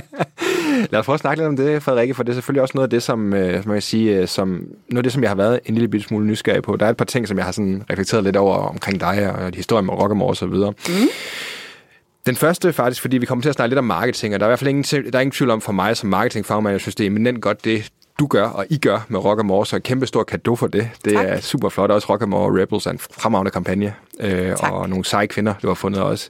Et eller andet sted har jeg lyst til at gå lidt ned i hele den, alt det virkelig, virkelig spændende, du siger i forhold til at kvinder tage deres plads i verden og så videre, fordi jeg synes, det er et mega vigtigt budskab. Mm. Samtidig kan jeg også bare fornemme, at vi kommer til at snakke rigtig lang tid om det. Ja. Øhm, så jeg tror, jeg siger, du har snakket om det i nogle andre podcasts også, øhm, og jeg synes, man skal afsøge det, for jeg, jeg er helt enig. Det, jeg sådan tænker, som kunne være ret interessant for mig at høre, det er fordi, at, og correct me if I'm wrong, men på et tidspunkt, der startede du på at tage en marketinguddannelse, øh, da du kom tilbage til Danmark. Mm. Øhm, og det er i hvert fald, så vidt jeg forstod, var det fordi, at der var ikke var nogen jobs at få som inden for skodesign, som mm. var det, der var din, kan man sige, gebet. Og det er faktisk det, jeg sådan har reflekteret lidt over, når du sådan, altså nu er du jo Frederikke, der er iværksætter med Rockamore, var det egentlig, var iværksætteriet, var det et bevidst valg, eller var det i højere grad, øhm, hvad kan man sige, af nød, hvis man kan sige det, eller hvordan, altså, jeg ved ikke, giver det spørgsmål mening? Ja, øhm, altså puh, iværksætteriet var aldrig bevidst valg. Det var det her med problemløser, ikke? Ja. Så A, B og C. Øhm, men vi kom, jeg boede i Italien sammen med min dengang kæreste, nu mand, og, øh, og så skulle vi, han skulle til udlandet. Øh, han, er, øh, han er sådan en klog type, ikke? Han har dobbelt Ph.D. og alt muligt fis. Og så skulle han ligesom have et år i udlandet for at kunne få lov at bruge sin Ph.D. i udlandet. Og, øh, og så fandt vi ud af, øh, jeg havde boet i Frankrig, før jeg var i Italien, så øh, jeg skulle ikke til øh, flere lande, hvor jeg skulle lære flere sprog. Jeg har sprog, jeg er ret god til sprog, men jeg var ligesom øh, altså full. Ikke? Ja. no vacancy left. Så det skal enten være engelsktalende land, eller skulle det være Danmark. Og så, øh, så blev det Danmark, og, øh, og, og det blev også lige noget Schweiz, og der var også lige noget Sverige. Sådan noget. Vi har boet, jeg tror, vi har boet i otte lande i over seks år, eller et eller andet, så vi har hoppet frem og tilbage, men vi endte i Danmark. Og så tænkte jeg, "Men det er fint, jeg får bare øh, job i Danmark. Jeg havde virkelig pænt CV, jeg havde været kreativ direktør for en kæmpe stor virksomhed øh, inden for skodesign, som øh, var i 12 lande, og vi havde hovedkontor i Budapest, og vi havde produktion i Kina det var før jeg vidste særlig meget om, hvordan man kunne gøre ting bedre. Men, øh, øh, men så ja, produktion i Kina, og så hovedkontor, øh, nej, øh, designafdeling, undskyld, i Italien. Så jeg rejste de der næsten 200 dage om året, og var virkelig meget rundt, og var primus motor på rigtig mange ting, blandt andet vores marketing. Så selvom jeg ikke er uddannet inden for marketing, så har jeg altid haft flere for det, og synes, det er skide sjovt. Jeg, altså sådan, det, jeg allerhelst vil læse, er jo sådan, øh, de bedste kampagner sidste år, og altså sådan nogle ting, ja. synes jeg var sjovt. Ikke? Ja. Øh, øh, så jeg øh, lykkedes med at bygge hele deres marketingstrategi op, samtidig med, at jeg stod for al vores produktion, og øh, så lavede jeg en lille sådan mini-kollektion øh, af sko, der var ordentligt lavet i hånden i Italien, fordi jeg gerne ville ramme et high-end øh, publikum, og det fik jeg lov til, og så øh, fik jeg solgt det ind til Luisa Via Roma, som er sådan, det er den butik, alle gerne vil ligge i, det er, det er the shit inden for øh, design, det er i hvert fald nummer to, øh, Kosokomo er nok nummer et, og den fik jeg solgt ind, og lige så snart jeg gjorde det, så sagde chefen, pis fedt, nu tager vi øh, produktionen fra Italien og flytter til Kina, fordi så har jeg en bedre markup. Ja. Og så sagde jeg op. øhm, det skulle jeg ikke. Altså sådan, det var bare, det var ikke sjovt. Det var mit hjertebarn, og det var bygget ordentligt op, og jeg var ikke interesseret i at, og, altså produktionen i Kina er forfærdeligt. og Jeg var ikke interesseret i at være en del af det mere. Og så flyttede, det passede jo så med, at min mand skulle til udlandet, og så flyttede vi hjem til Danmark. Øhm, og jeg tænkte jo, at jeg bare kunne få job. Og så fandt jeg ud af, at det kunne jeg ikke. Der er ikke øh, rigtig plads til skuddesigner i Danmark, og øh, når jeg var rundt og snakkede med virksomheder inden for mode, og på det tidspunkt gik dansk mode rigtig godt, så øh, kunne jeg se, at det var juniorstillinger, og det var øh, typisk øh, øh, helt nyuddannede designere, som øh, ikke var specialiseret inden for sko, fordi vi havde ikke en rigtig skouddannelse i Danmark. Mm. Så øh, det var egentlig tøjdesigner, som sad og flippede igennem de vilde øh, modemagasiner og fandt ud af, hvad de gerne ville kopiere fra de forskellige catwalks, og så blev det lavet på den måde. Eller også så tog øh, størstedelen af alle brands ned til øh, en ud af tre fabrikker, som solgte white labels, og så tog man ned og fandt ud af, at jeg vil gerne have, øh, du ved, den der rød, og den der med sløjfe på, og den der skal vi lige have lidt højere. Så lavede man en kollektion baseret på, hvad de havde udviklet, og satte sit eget brandnavn i. Og det var lignet alt herhjemme det samme, fordi de købte alle sammen ind det samme sted. Ja. Så der er jo kun udviklet én kollektion, ikke? og så kommer der alle brands fra hele Danmark og ligesom vælger fra den kollektion. Ja. Øhm, ja, men så der var ikke rigtig øh, nogen som helst penge til at betale for en, en designer. Og det var, øh, det tog et stykke tid, før jeg landede. Ligesom vendede mig til det og, og, og landede i den der rolle med sådan, en ting er at være arbejdsløs, det er sådan set fint, men det der med, at, at det, jeg havde bygget mit liv på, ikke kunne bruges her. Ja. Øhm, fordi i Italien, der er, det, der er det ret cool. Altså sådan, det er the shit at være skodesigner. Det er, Ja. Man er højt oppe på hierarkiet, ikke? Det er Ja. man bare ikke herhjemme. No. Så skulle der ske noget andet. Og så øh, tog jeg en øh, marketing top-up det, der hedder en PBA inde på KEA, fordi jeg har noget fra Tego Center. Øh, tidligere, back in the day, der tog jeg til Herning, for det var det eneste sted, man kunne blive skodesigner. Det kunne man så også kun i halvandet år, så lukkede de uddannelsen, mm. og så flyttede jeg til Italien. Men, øh, men det der base, jeg havde der, det kunne man så bygge videre på med sådan en top-up i marketing. Så gjorde jeg det. Øh, det tog halvandet år. Det var lige da social media startede, og der var ikke rigtig, det vidste de ikke rigtig noget om, det der med social media, så der var ikke sådan sindssygt meget ah, øh, platformsudvikling. Men øh, det er så, hvad det er. Jeg lærte at tænke konceptuelt, og jeg lærte at tænke, øh, jeg var bedre til at eksekvere på mange af øh, de tanker, jeg havde, som var det, der havde drevet mit gamle creative director job. Der havde jeg bygget marketingstrategien, men det var fuldstændig rodet. Nu begyndte jeg at tænke mere konceptuelt i, hvordan, hvordan udvikler man på det her? Hvordan bygger man et brand, der er baseret på nogle værdier, der har en mission? Øh, og det gav mening. Så øh, som afsluttende opgave, der skrev jeg, øh, hvordan jeg ville bygge et skomærke i Danmark, fordi udfordringerne var, danskere vil ikke betale særlig meget for sko, derfor er der ikke råd til at ansætte en rigtig skodesigner. Alle vil kun gå i sort, ingen kan lide farver.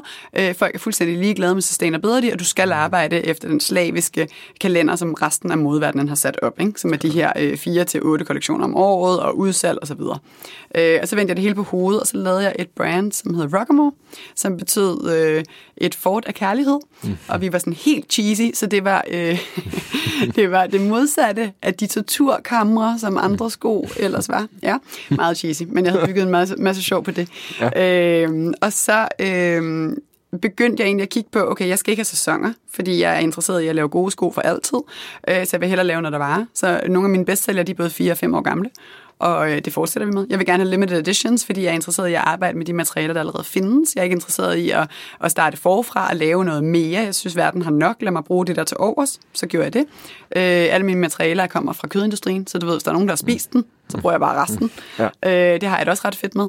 Og så hele den her tanke om, at der ikke er udsalg, der ikke er rabatter, skoene koster det, de koster, gør, at jeg har en ret stabil indkomst. Ikke i coronatider, vel? Mm. Men ellers, ja. øh, at mit januarsalg for eksempel ikke går ned, fordi folk ved godt, at altså, der er ikke noget, der hedder udsalg. Vi kan lige så godt bare købe det hele året, vi har tænkt os at købe alligevel. Ja. Øhm, og så byggede jeg den som en opgave, og så øh, fik jeg ret dårlige karakterer. Mm. Øhm, og mit, sådan, hele min sådan, øh, kvindekamp startede øh, faktisk der, hvor manden sagde, øh, den mandlige sensor sagde, øh, man kan jo ikke bygge en virksomhed selv, og, og du, kan jo, altså, du kan da slet ikke gøre det. det hvem skal kigge på tallene? Mm. og den der sætning, den har bare runget i mit hoved i fem år.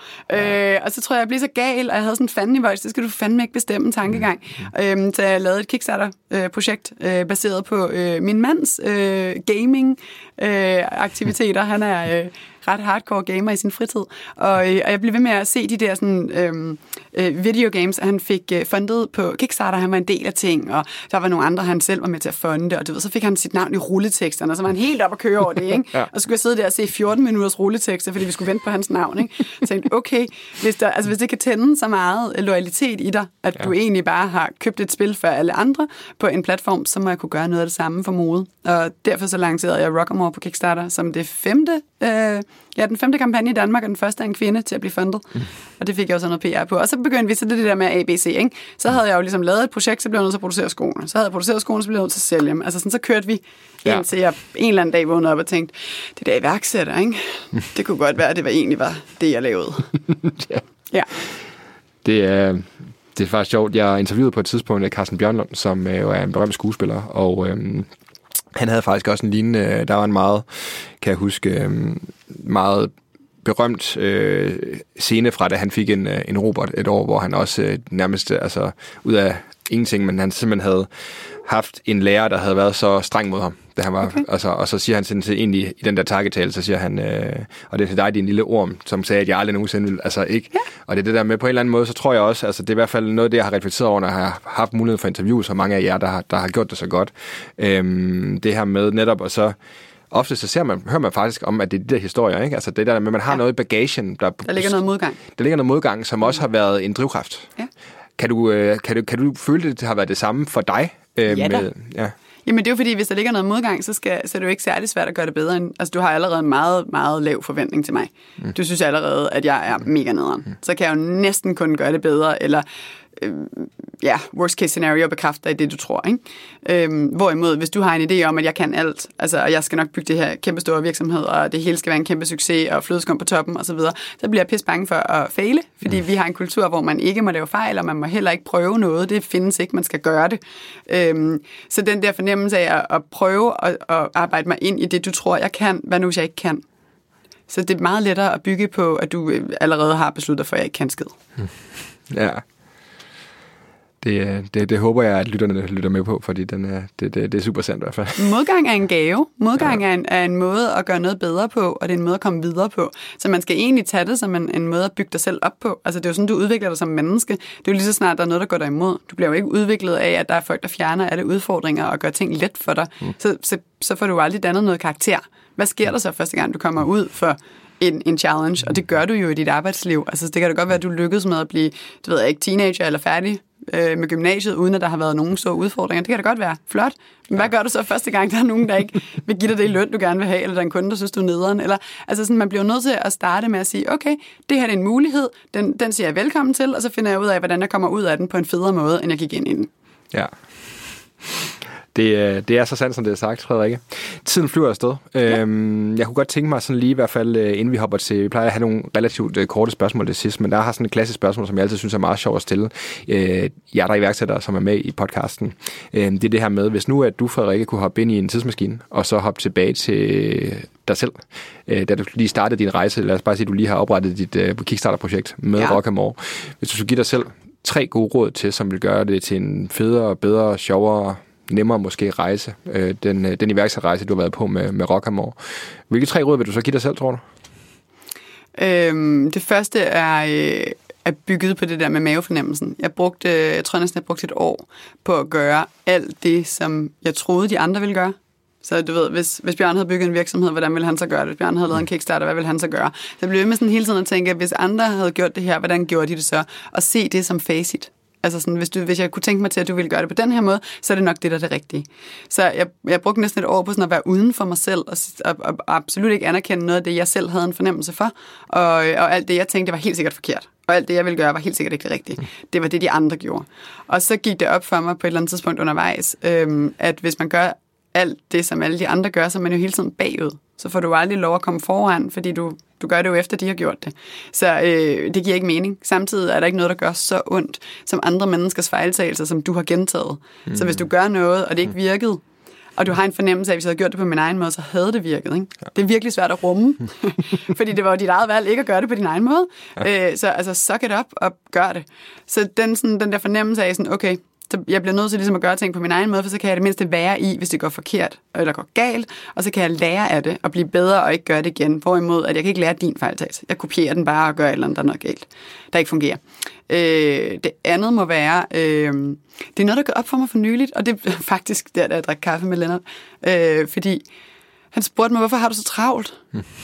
Så, pff, det ved jeg faktisk ikke. Og jeg kunne ikke svare på det. Mm. Hvorfor har jeg så travlt? Fordi vi, men det er jo fordi, at, at øh, så sagde han også noget andet sjovt. Han sagde sådan, alle dem der med penge, når de kommer ind i din virksomhed, så vil de jo prøve at normalisere dig så meget som muligt, for det, det er det, de kender. Så alt det, der er unikt ved dig, vil de fjerne, mm. og alt det, som er øh, normalt, og det, de kender, vil de prøve at få sat ind i virksomheden. Og det gav mening. Så er sådan, nå ja, selvfølgelig er det det. Nu har jeg nogle virkelig pæne og søde investorer, men altså, nå ja, det, det, det er jo det folk, altså man vil jo det, man kender, man, ja. man striver jo efter det, der er normalt for en selv. Mm. Øh, og hvis man er et klassisk corporate menneske, så tænker man nok ret anderledes, end hvordan jeg tænker. Så man bliver nødt til at have en respekt for, hvem man selv er, og så ligesom anerkende, at de andre er her, mm. men de skal ikke have lov at bestemme. Øh, og så det der med, hvorfor, hvorfor har du så travlt? Det, jeg har virkelig haft travlt i fem år, og jeg ved ikke hvorfor. Jeg ved ikke, hvor det kommer fra. Måske det kommer fra nogle pengemænd med nogle store budgetter, der siger, at jeg skal nå det her i Q1 og Q2 og Q3, men det tror jeg ikke. Jeg tror mest, det kommer fra mig selv. Ja. At jeg skal bevise et eller andet, som jeg ikke helt ved, hvad er, og jeg skal skynde mig, fordi jeg ikke har tid nok. Øhm, men det kunne jeg godt tænke mig at have lært noget tidligere. Jeg tror, jeg har næsten lige lært det. Ikke? Men det der med, at vi skal også lige nå at nyde det. Altså sådan, mm det der med at åbne en butik i, i Lyngby om 1. december, det er hul i hovedet, men det er også ret sjovt. Mm. Altså sådan, jeg skal nok få til at lykkes, men jeg skal også lige huske at have det sjovt med det undervejs, fordi ellers er det bare stress, og stress er jo bare dårligt. Ja. Så det vil jeg også gerne have sagt til mig selv. Og øh, den tredje, den har jeg næsten lidt sagt, tror jeg, men det her med sådan at stole på, hvem du er, og så sammen omgive dig med mennesker, der er klogere end dig. Det er der virkelig mange mennesker, der siger. Men, men omgive dig med dem, der er klogere end dig, men udvælg dem baseret på værdier. Ikke på det, de har gjort. Fordi igen, hvis de tænker anderledes end dig, og har gjort noget, der er pissefedt, så det er ikke nødvendigvis noget, du kan bruge. Hvorimod, hvis det er nogen, der har samme værdier som dig, så næsten regardless af, hvad de har gjort, så kan du bruge det til noget, fordi I tænker på samme måde. Så, så omgiv dig med mennesker, som har de samme værdier, som kan øh, hjælpe dig til at blive bedre. Jeg har øh, en i bestyrelsen, som er øh, softwaremand, og han har været med fra starten. Og han er ekstremt værdifuld, fordi han ikke tænker mode. Så du ved, det er jo ham, der udfordrer mig og siger, hvorfor skal vi have fire kollektioner om året? Det giver jo ikke mening. Nej, det giver sådan set ikke. Det er fordi alle de andre har det. Nej, men du kan jo ikke tjene penge på det. Nej, det har du også ret i. Det er også dårligt for miljøet. Ja, det har du også ret i. Du ved, der er sådan, han stiller nogle spørgsmål, som ikke ville komme, hvis jeg havde omgivet mig med et modemenneske. Det det samme med, jeg har 12 ansatte, der er ni, øh, ni forskellige øh, kulturer, ni, øh, ni sprog øh, på kontoret. Og, og den der sådan, diversitet, den gør jo, at vi hele tiden tænker nyt, og hele tiden bliver udfordret på innovation. Og det er virkelig fedt. Hvorimod jeg havde samlet 12 modemennesker, så havde vi jo, altså så gik vi jo i det samme tøj, kendte de samme mennesker og knaldede det samme i gymnasiet. Altså det hele havde jo været det samme. Ja. Det får man ikke innovation ud af. Nej. Så det havde jeg godt kunne tænke mig at vide noget før. Det har jeg lært for to år siden. Hvis jeg havde lært det for fem år siden, så havde vi været dobbelt så store i dag, tror jeg. Mm. Men igen, hvor, hvor, hvorfor har man også så travlt, ikke? Så jo, det... hvorfor har man så travlt? Jeg ved ikke, hvem det er, der har bestemt, at man skal skynde sig. Mm-hmm. Vi skal jo også, i, nu hører jeg Morten Albæk for tiden, sådan, vi skal skynde os igennem uddannelsessystemet, mm-hmm. vi skal skynde os om på den anden side og ud i job, og så skal vi skynde os videre til at få børn og hus. Sådan, hvorfor skal vi skynde os? Hvad er det, vi skal nå? Må vi ikke også have det sjovt? Det er jo helt åndssvagt, men det, men det er sådan en fastlagt sandhed, ikke? at vi skal skynde os. Ja.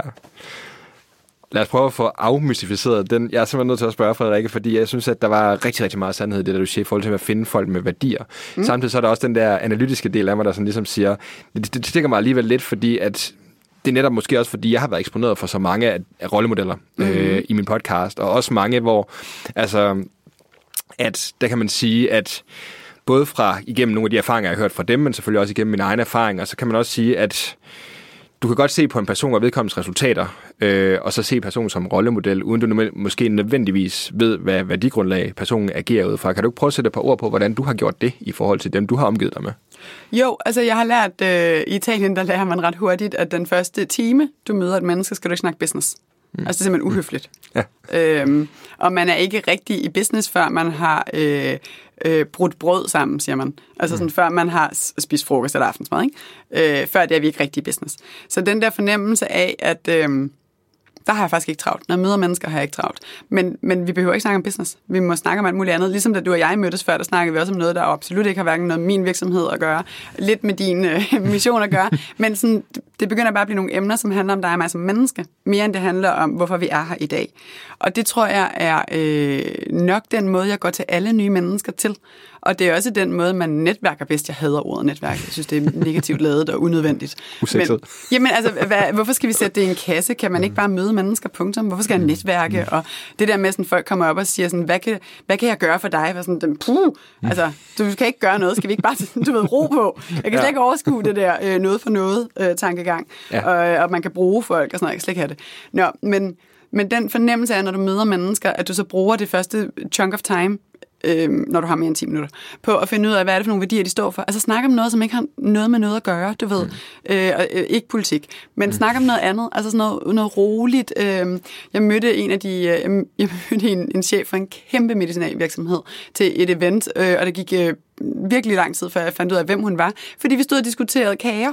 Du ved, der var kager på bordet, og jeg kom op og sagde noget sjovt, og hun synes, grinede og sagde noget sjovt. Og så, du ved, så mødtes vi der, og vi fik en relation baseret på den der åndssvage kage. Øh, og så senere fandt jeg ud af, at, at hun var enormt øh, både dygtig til sit arbejde, men også højt oppe i en corporate virksomhed, som jeg havde prøvet i lang tid at komme ind i, fordi jeg gerne ville lave et event for deres ansatte. Ikke? Men så kunne jeg jo godt lige pludselig sige noget i den dur, fordi hun, så sagde hun sikkert pænt sko der på, ja, nu skal du høre for resten. Ikke? Bum, bum, bum, så kan vi komme ind i en samtale på en naturlig måde. Ja. Frem for det der med sådan, jeg ved, hvem du er, nu skal du høre, hvad du kan gøre for mig. Det ja. er op ad bakke. Og, og du mister fornemmelsen for, hvem mennesket bag er i virkeligheden. Så alle værdier, ja. jeg har fra andre mennesker, har jeg baseret på øh, det, man nogle mennesker kalder unødvendig small talk, og det jeg mm. jo så kalder mm. værdibaseret small talk. Ja, og det må man sige, det, det, der, der praktiserer du i den grad også det, du prækker, hvis man må sige det, ja. Frederikke. Øh, super godt, øh, super godt ind, indspark igen. Øhm, tiden flyver afsted. Vi er ved at runde en time. Det, øh, mm. det er gået vanvittigt stærkt, som du altid gør med de her podcast. Jeg plejer lige at slutte af med en 3-4 relativt hurtige spørgsmål, og du er frisk på, at vi tager dem. Ja da. Det første Jamen, spørgsmål... Jeg kan mig, Ellers skal jeg prøve at stoppe dig. det, det første spørgsmål her, det er et, som er bragt i samarbejde med Mofibo, som jo er sponsor på podcasten her. Mm. Øhm, har du en specifik bog, som øh, du har anbefalet meget til andre, eller måske ligefrem givet i gave? Mm, nej, men jeg er virkelig øh, fan af øh, Det hele handler ikke om dig. og nu har jeg glemt, hvad han hedder, ham der har skrevet den. Nils Overgaard, tror jeg. Passe? Overgaard, ja, præcis. Øhm, jeg har ikke givet den i gave nu, men jeg har hørt øh, e-bogen fire gange, fordi den er simpelthen så klog. Den er jeg virkelig fan af. Og så er jeg øh, virkelig fan af øh, Simon Sinek. Why do you do the things you do, and why should anyone care? Dem har jeg også hørt virkelig mange gange, og han har skrevet nogle bøger, som er meget interessante. Øhm, og den sidste bog, jeg har læst, som jeg har tænkt mig at anbefale videre, er øh, en, som øh, Nikolaj fra Goodiebox øh, tvang mig til at læse, mm. og øh, det var virkelig godt, han gjorde det. Den hed Eating the Big Fish. Den er også rigtig god. Den handler om cha- challenger brands. Altså, hvordan man udfordrer de store brands på et marked, ikke? Ja. Det er i hvert fald, øh, den sidste kender jeg ikke, men øh, de to andre, Niels han kommer også med i podcasten senere, så Åh, oh, den må jeg høre. Han er simpelthen så klog. det er, han, han, er, han, er, han er super sympatisk og klog samtidig. Og det fede ved ham er, at han bruger et sprog, som man kan forstå. Øhm, nu har jeg også hørt øh, Morten Albæks øh, e-bog, og jeg bliver simpelthen nødt til at holde op, og så må jeg købe bogen og se, om jeg kan overskue det. For han er så velformuleret, mm. at jeg holder op med at høre efter, fordi det er for svært. Det, Ja. det er helt åndssvagt, ikke? Ja. Men der kan jeg ret godt lide, at Nielsen holder til sådan et, et talesprog, ligesom du og jeg, så ja. det fiser bare ind og ja. ligger sig, og så kommer det op i de situationer, hvor jeg har brug for det. Det er helt ekstremt nyttigt. En virkelig dygtig mand.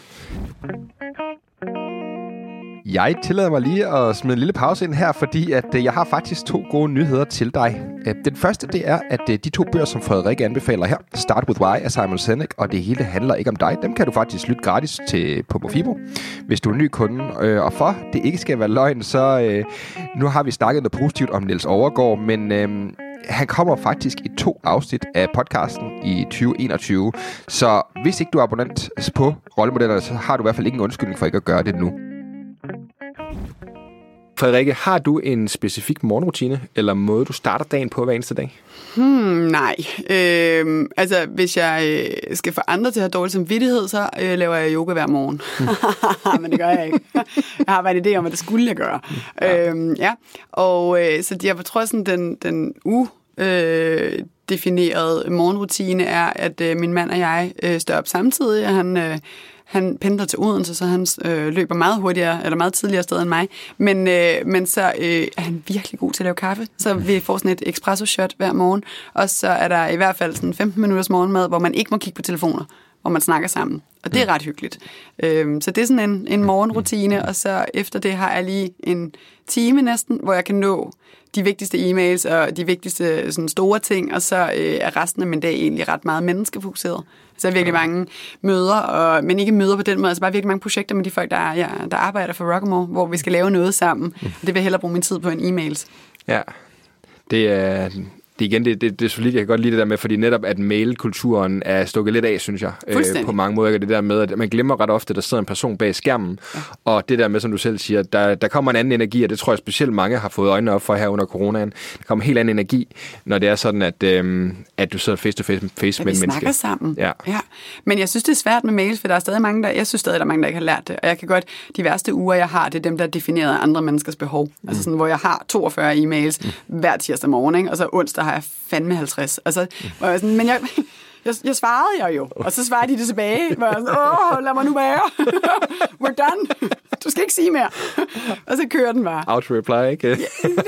Out of office. Men altså, synes simpelthen godt nogle gange, hvor folk skal holde op med at svare for meget. Du ved, samle det hele i en e-mail, og så skal vi ikke have mere. De må samle til bunke. Ja. Vi må håbe, det hører, at de hører med her, hvis Ja. ja. øh, de, øh, dem, du, dem, du mailer med. Mm. Frederikke, øhm, to spørgsmål tilbage. Det Ja. har været en helt fantastisk god podcast. Øhm, Det var da dejligt.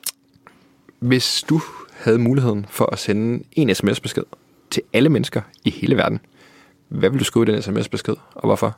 Hold da op, det er et stort spørgsmål. Mm. Øhm, vågn op og vær glad. Smil til de andre. Tro på dig selv. Alle ved dig det godt, hvis du læner dig ind i det. Noget af den dur. Ja.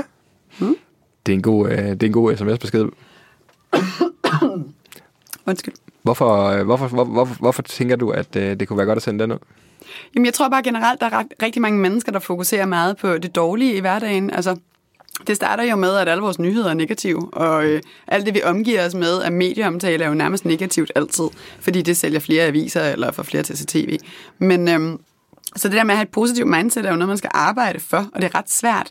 Så jeg tror, hvis, man, hvis der er nogen, der tror på, at man godt kan, så er det lidt lettere at komme hen til ting. Så hvis jeg kunne, ville jeg give alle en fornemmelse af, at jeg tror på, at du kan, så der skal tage næste skridt. Ja. Og det sidste spørgsmål. det er det her med, øhm, hvad er det bedste råd, du nogensinde har fået? Det kan være personligt, professionelt, det er whatever comes to mind.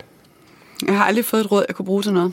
øh, det er meget sørgeligt, men det er rigtigt. Men, men det er jo fordi, at de mennesker, som kan komme med råd, de øh, er typisk folk, der er længere fremme, eller har udviklet noget, eller sidder for store virksomheder, eller whatever. Altså simpelthen sådan er lykkedes med noget stort i deres liv. Ikke? Øh, de er ikke nok inde i min virksomhed, eller i mit udgangspunkt til at kunne forstå ordentligt, hvad det er, jeg har behov for, og derfor giver deres råd ikke rigtig mening.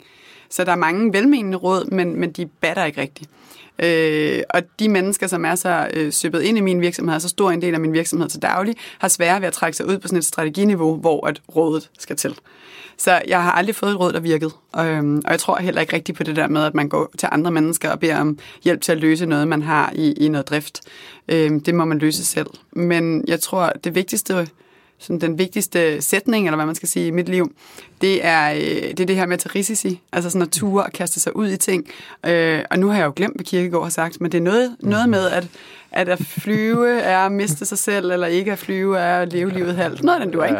At, at row er mistet, eller et eller andet, ikke? ja, vildt godt råd. Google Men it, Google it. Men, men det der, han siger, ikke? nu prøvede jeg bare at lyde klog, og så gav det totalt bagslag. øh, nej, men, men det, den der fornemmelse af, at, at dem, der tør at kaste sig ud i ting, at dem, der skal gøre det. Vi skal simpelthen tage en for holdet og være dem, der hopper, fordi de, ellers så tør de andre ikke. Og hvis aldrig nogen, der gør det, så kommer der aldrig til at ske noget nyt i samfundet, der kommer aldrig til at ske noget innovation. Og det kan godt være, at de synes, du er nederen undervejs, men når du har gjort det, så vil de synes, du er fed. Så du skal gøre det. Den fornemmelse, den arbejder jeg meget efter, og det råd, so to speak, som det jo så må være Kirkegaard, der har sagt, selvom jeg ikke kan finde ud af at sige det øh, ordret, øh, er nok det bedste, eller sådan det mest definerende for, hvordan jeg lever mit liv, og hvordan jeg bygger min virksomhed. Ja. Fantastisk. I må selv gå ind og google, kære lytter, Kirkegaard Rådet. Ellers må I få den på Frederikke-måden, som også øh, var helt fantastisk, øh, Frederikke. Og det synes jeg bestemt også, vores snak har været. Ja. Øh, virkelig, virkelig mange guldkorn. Hvis det nu er, at vores lyttere sidder og synes, det har været lige så fedt, som jeg har, og de gerne vil række ud, eller bare følge dig generelt, sociale medier eller andet, hvor gør de det så hen? LinkedIn er bedst. Øh, Rockamore ejer alle de andre kanaler. Øh, LinkedIn er min, så det er der, jeg er mig, og ikke nødvendigvis en repræsentant for, øh, for virksomheden. Så jeg siger også ting, som ikke er sådan helt politisk korrekte. Det gør jeg ret ofte, faktisk. og hver gang jeg har jeg investorer, der er sådan, ja, ja, men det er noget andet. LinkedIn er min. Facebook og Instagram og så videre, det har Rockamore. Øh, ja. Så der kan man følge mig, øh, og man må også gerne skrive til mig, hvis man har noget konkret. Øh, om, øh, ikke hvis man skal skrive opgave på CBS, men ellers må man gerne skrive til mig, så skal jeg forsøge at svare. Det gør jeg næsten altid. Fantastisk. Øh, Frederikke, tusind tak, fordi du ville deltage, og tak for en rigtig god snak. Ja, selv tak. Det var en fornøjelse. Du har lyttet til Rollemodellerne. Podcasten er produceret af mig, Bjørn Vestergaard Barfod. Klipper redigering, Anders Guldberg.